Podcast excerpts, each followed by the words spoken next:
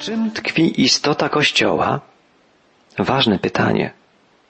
Duży fragment drugiego rozdziału pierwszego listu Piotra poświęcony jest temu właśnie tematowi. Od czwartego wiersza w drugim rozdziale pierwszego listu Piotra czytamy Do Niego przychodźcie, do kamienia żywego, odrzuconego wprawdzie przez ludzi, dla Boga zaś wybranego, drogocennego. Sami też, jak żywe kamienie, jesteście budowani jako dom duchowy dla świętego kapłaństwa, aby przez Jezusa Chrystusa składać duchowe ofiary przyjemne Bogu. Dlatego Pismo mówi, oto kładę na Syjonie kamień węgielny, wybrany, drogocenny, a ten, kto wierzy, nie zawiedzie się na nim. Dla was, którzy wierzycie, stał się powodem czci. Dla niewierzących natomiast kamień, który odrzucili budujący, stał się kamieniem węgielnym oraz kamieniem potknięcia i skałą zgorszenia. Ci, którzy nie wierzą słowu, potykają się, na co zresztą są przeznaczeni. Ale wy jesteście rodem wybranym, królewskim kapłaństwem, narodem świętym, ludem nabytym, abyście rozgłaszali cnoty tego, który was powołał z ciemności do cudownej swojej światłości. Wy, którzy niegdyś byliście nie ludem, teraz jesteście ludem Bożym. Dla was niegdyś nie było zmiłowania, ale teraz zmiłowania dostąpiliście. Wspaniałe słowa. Spróbujmy zastanowić się nad ich znaczeniem. Piotr pisze tu właściwie o istocie i o funkcji Kościoła. Jego wypowiedź jest tak bogata, że podzielimy ją na cztery części. Najpierw zastanówmy się, co znaczy wypowiedź Piotra odnośnie kamienia odrzuconego przez budowniczych. Piotr wiele miejsca poświęca tej sprawie. Nawiązuje tu do trzech głównych tekstów ze Starego Testamentu. Początek jego wypowiedzi przywodzi nam na myśl słowa wypowiedziane przez samego Jezusa, który odwoływał się do proroctw Starego Testamentu. Jedną z najbardziej pouczających przypowieści Jezusa jest przypowieść o nieuczciwych dzierżawcach. Przewrotni dzierżawcy po kolei zabijali sługi posłane przez Pana, przez właściciela, a w końcu okrutnie zamordowali syna właściciela winnicy. Jezus, opowiadając tę przypowieść, mówił właściwie o tym, iż naród izraelski stale był głuchy na wołania proroków i prześladował ich. Punktem kulminacyjnym ich postawy było zabicie Mesjasza, Syna Bożego. Jednak ponad tą śmiercią Jezus widział tryumf, o którym mówił słowami wziętymi z psalmu. Kamień, który odrzucili budowniczowie, stał się kamieniem węgielnym. Pan to sprawił i to jest cudowne w oczach naszych. Jest to cytat z psalmu 118, psalmu mesjańskiego. Tekst oryginalny odnosi się do narodu izraelskiego. Izrael jest głównym kamieniem węgielnym. Siły tego świata odsunęły go na bok jako bezużyteczny, ale Bóg przeznaczył go do najbardziej zaszczytnego i najważniejszego miejsca w budowie swego królestwa na świecie. Słowa te wyrażają świadomość Izraela wobec tej misji i przeznaczenia w Bożym zamiarze. Jezus zastosował te słowa do siebie samego. To On, który wyszedł z Izraela jako Mesjasz, został odrzucony przez ludzi, ale w zamiarach Bożych jest On kamieniem węgielnym, na którym ma być zbudowane królestwo. Kamieniem, który ma zasadnicze miejsce w budowli Kościoła. Jest to najbardziej zaszczytne i najważniejsze miejsce. Tak więc sam Jezus zaświadczył o sobie, że jest kamieniem węgielnym stworzonego przez Boga Ojca świata. Wspomnijmy jeszcze o dwóch wzmiankach w Starym Testamencie dotyczących symbolicznego kamienia. Pierwszy cytat, przytoczony przez apostoła Piotra, pochodzi z 28 rozdziału proroctw Izajasza. Dlatego tak mówi wszechmocny Pan. Oto ja kładę na Syjonie kamień, kamień wypróbowany, kosztowny kamień węgielny, mocno ugruntowany. Kto wierzy, ten się nie zachwieje. Tekst ten pierwotnie również odnosi się do Izraela, podobnie jak wypowiedź psalmisty. Izajasz ma na myśli lud izraelski. Wypróbowany i kosztowny kamień to niezawodna społeczność Boga z Jego ludem. Więź, której szczytowym punktem jest przyjście Mesjasza. I znów musimy podkreślić, że pierwotni chrześcijanie stosowali ten tekst do Jezusa Chrystusa jako drogocennego i niewzruszonego kamienia Bożego. Następny tekst starotestamentowy pochodzi również z księgi Izajasza.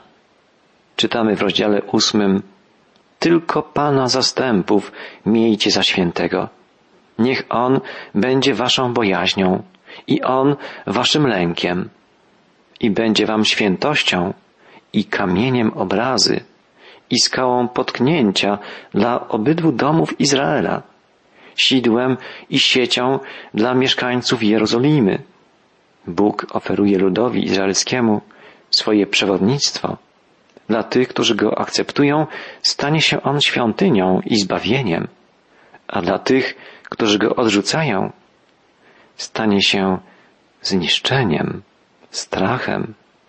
I znowu pierwotni pisarze chrześcijańscy stosowali ten tekst do Jezusa. Dla tych, którzy go przyjęli, którzy go przyjmują, Jezus staje się zbawicielem i przyjacielem. Natomiast dla tych, którzy go odrzucają, staje się potępieniem i sądem. Z faktu, że Jezus jest kamieniem węgielnym, wynika prawda o samej istocie Kościoła.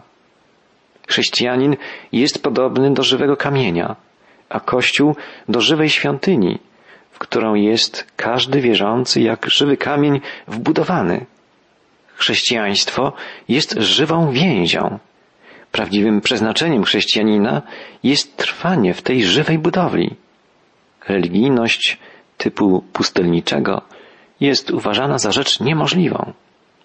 Samotny chrześcijanin, który przynależność do widzialnego kościoła na ziemi uważa za coś poniżającego, to po prostu sprzeczność sama w sobie. Istnieje słynne opowiadanie dotyczące Sparty. Król Sparty przechwalał się wobec odwiedzającego monarchy murami swego miasta. Monarcha ów rozglądał się wokół, ale nigdzie nie mógł zauważyć murów. Zapytał więc króla Sparty, a gdzie są te mury, o których tak dużo mówisz? Wskazując na swoich doborowych strażników, król odpowiedział, oto są mury Sparty. Każdy człowiek jest ich cząstką. Jak długo kamień czy cegła leży sotnie, tak długo jest bezużyteczna. Ma swoją wartość tylko wtedy, gdy jest wmurowana w ścianę budynku. Tak samo jest z pojedynczym chrześcijaninem. Będąc świadomym swego przeznaczenia, chrześcijanin nie może pozostawać na uboczu. Musi być wbudowany w gmach Kościoła Chrystusa. Przypuśćmy, że w okresie wojny ktoś by powiedział, chcę służyć swojemu krajowi i bronić go przed nieprzyjacielem. Jednak jeżeli swoje postanowienie będzie realizował sam, indywidualnie, niczego nie osiągnie. Swój cel skutecznie zrealizuje tylko wtedy, gdy ramię w ramię stanie obok tak samo myślących, gotowych do obrony kraju. Tak samo jest z Kościołem. Indywidualistyczne chrześcijaństwo to absurd. Chrześcijaństwo to więź we wspólnocie Kościoła Chrystusa. Jest to więź ludzi wyznających wiarę w Jezusa Chrystusa, Zbawiciela i Pana. Chrześcijanie nazwani są przez Piotra świętym kapłaństwem. Co jest istotą kapłaństwa? Kapłan to człowiek, który ma dostęp do Boga i jego zadaniem jest prowadzenie do Boga innych. W okresie Starego Testamentu dostęp do Boga był przywilejem zawodowych kapłanów, szczególnie arcykapłana, który mógł wejść do miejsca najświętszego. Poprzez Jezusa Chrystusa, nową, żywą drogą, każdy chrześcijanin, nawet ten najmniejszy, ma przed sobą otwarty dostęp do Boga. W języku łacińskim kapłana określa się słowem pontifex, co znaczy budowniczy mostu. Kapłan jest człowiekiem, który buduje most pomiędzy ludźmi i Bogiem. Obowiązkiem i przywilejem chrześcijanina jest przyprowadzanie innych do Boga, do Zbawiciela. Ponadto kapłan to człowiek, który składa Bogu ofiarę. Chrześcijanin też musi stale przynosić Bogu ofiarę. W Starym Przymierzu były to ofiary ze zwierząt. Natomiast ofiary chrześcijanina mają charakter duchowy. Składa on swoją pracę na ofiarę Bogu. Wszystko wykonuje dla chwały Boga. Nawet najmniejszy uczynek jest przyobleczony chwałą Bożą. Swoją cześć chrześcijanin ofiaruje Bogu. I dlatego pójście do domu Bożego nie jest obowiązkiem, ciężarem, ale wielką radością. Chrześcijanin samego siebie ofiaruje Bogu.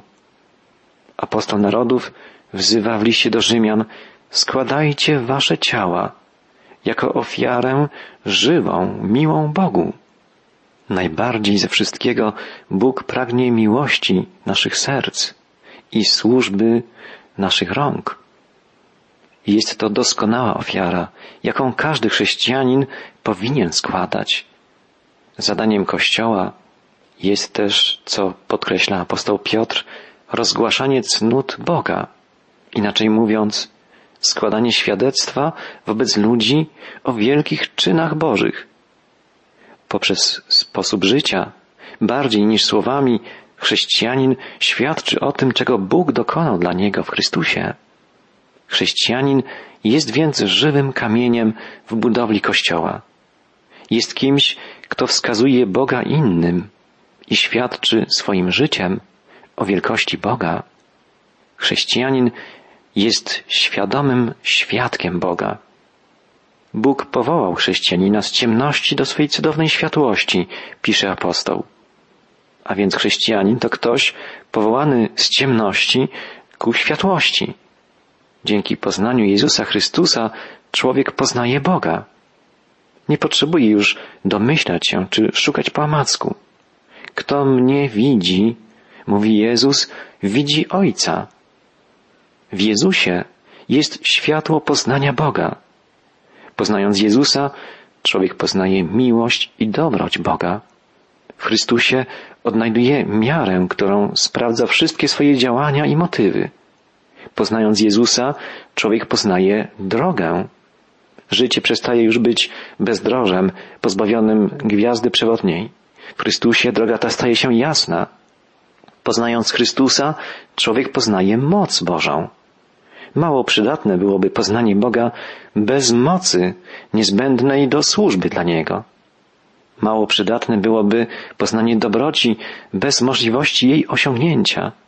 Mało przydatne byłoby również poznanie właściwej drogi bez możliwości wstąpienia na nią. W Jezusie Chrystusie wszystko to staje się rzeczywistością. Apostoł pisze, że tych, którzy nie byli ludem, Bóg uczynił ludem Bożym. Tu Piotr cytuje proroka Ozeasza. Oznacza to, że chrześcijanin jest powołany ze stanu poniżenia do stanu godności, zaszczytu. W tym świecie zawsze tak się dzieje, że wielkość człowieka nie tkwi właściwie w nim samym, ale w powierzonym mu zadaniu. Wielkość chrześcijanina polega na tym, że wybrał go Bóg, aby był jego człowiekiem, by wykonywał w tym świecie jego dzieło. Żaden chrześcijanin to nie ktoś przeciętny, ponieważ jest człowiekiem Boga. I dalej podkreśla apostoł, chrześcijanin to ktoś powołany ze stanu pozbawionego zmiłowania do miłosierdzia Bożego.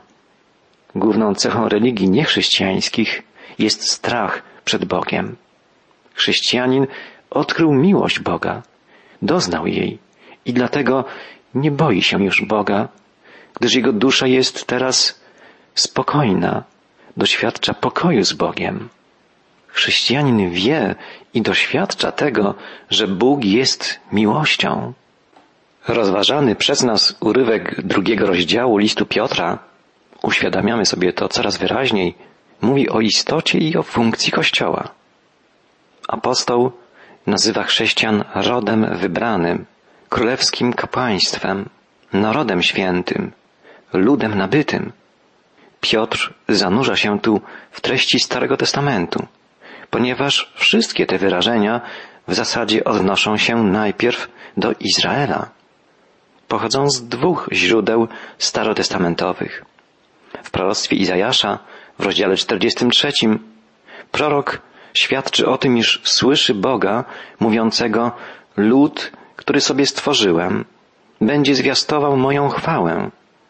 Natomiast w drugiej księdze Mojżeszowej, czyli księdze wyjścia, Bóg powiada, a teraz, jeżeli pilnie słuchać będziecie głosu mojego i przestrzegać mojego przymierza, będziecie szczególną moją własnością pośród wszystkich ludów, bo moja jest cała ziemia i wy będziecie mi królestwem kapłańskim i narodem świętym. Wielkie obietnice Boże uczynione Izraelowi są dopełnione w Kościele.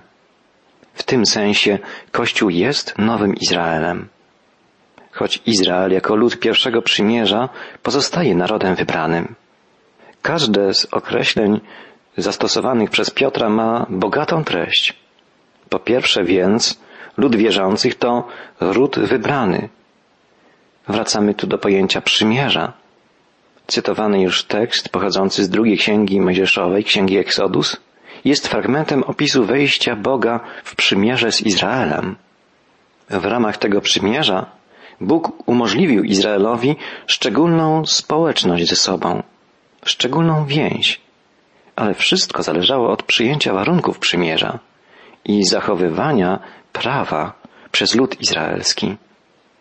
Społeczność ta, ta szczególna więź będzie realna tylko wtedy, jeżeli będą pilnie słuchać głosu i przestrzegać Jego przymierza. Tak mówi Bóg. Wynika z tego, że także chrześcijanin jest wybrany do trzech rzeczy. Jest po pierwsze uprzywilejowany. W Jezusie Chrystusie została mu zaoferowana nowa i bardzo bliska łączność z Bogiem. Bóg stał się przyjacielem człowieka, przyjacielem wierzącego chrześcijanina stał się przyjacielem Boga taki człowiek. To wspaniała więź, bardzo bliska, bardzo osobista.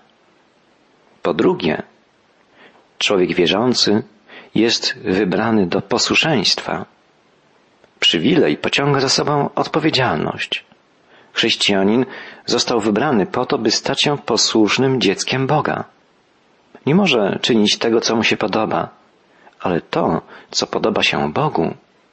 I po trzecie, człowiek wierzący jest wybrany do służby. Jego zaszczyt polega na tym, że może służyć Bogu. Jego przywilej tkwi w tym, że realizuje Boże cele, Boże plany. Będzie użyteczny w tym zadaniu tylko wtedy, gdy będzie okazywać Bogu posłuszeństwo. Jest wybrany do przywileju, wybrany do posłuszeństwa, wybrany do służby. Te trzy wielkie prawdy są nierozerwalnie ze sobą związane. I kolejna wielka sprawa. Chrześcijanie to królewskie kapłaństwo. Kapłaństwo królewskie, kapłaństwo Nowego Testamentu polega na tym, że każdy chrześcijanin może bezpośrednio przystępować poprzez Chrystusa do Boga. Może przychodzić do Boga i prowadzić innych do Pana. Może być więc współkapłanem Chrystusa. I tak jak każdy kapłan ma ofiarowywać coś Bogu. Swoją służbę, swoją pracę, siebie samego, swoje zdolności, możliwości. Chrześcijanie to królewskie kapłaństwo. Chrześcijanie to także święty naród. Mówiliśmy już o tym, że podstawowym znaczeniem słowa święty w greckim oryginale hagios to różny, odmienny. Chrześcijanin to człowiek, który został wybrany, by wyróżniać się spośród innych ludzi. Ta inność polega na tym, że jest on oddany Bogu, oddzielony dla Boga i służy Mu. Działa dla Boga, jest człowiekiem Boga. Inni ludzie mogą stosować się do zasad tego świata. Dla człowieka wierzącego jedyną miarą postępowania są Boże wymagania. Kto nie uświadamia sobie tego, że ma wyróżniać się spośród innych ludzi, ten nie powinien nawet wstępować na drogę chrześcijańskiego życia. I wreszcie chrześcijanie są ludem nabytym przez Boga. Ludem nabytym. Często wartość pewnej rzeczy polega na tym, że jest ona czyjąś własnością. Bardzo przeciętna rzecz może nabrać zupełnie nowej wartości, jeżeli jest własnością jakiejś sławnej osoby. W muzeach znajdujemy zupełnie zwyczajne rzeczy, ubrania, laski, ołówki, książki, meble, których jedyną wartością jest to, że kiedyś należały do jakiejś wielkiej osoby. Podobnie jest z chrześcijaninem. Może on być bardzo przeciętną osobą, ale nabiera nowej wartości ze względu na swoją przynależność do Boga. Pamiętajmy, cała nasza wartość, cała nasza wyjątkowość jako chrześcijan wynika z faktu, że jesteśmy ludźmi Boga, ludźmi Chrystusa,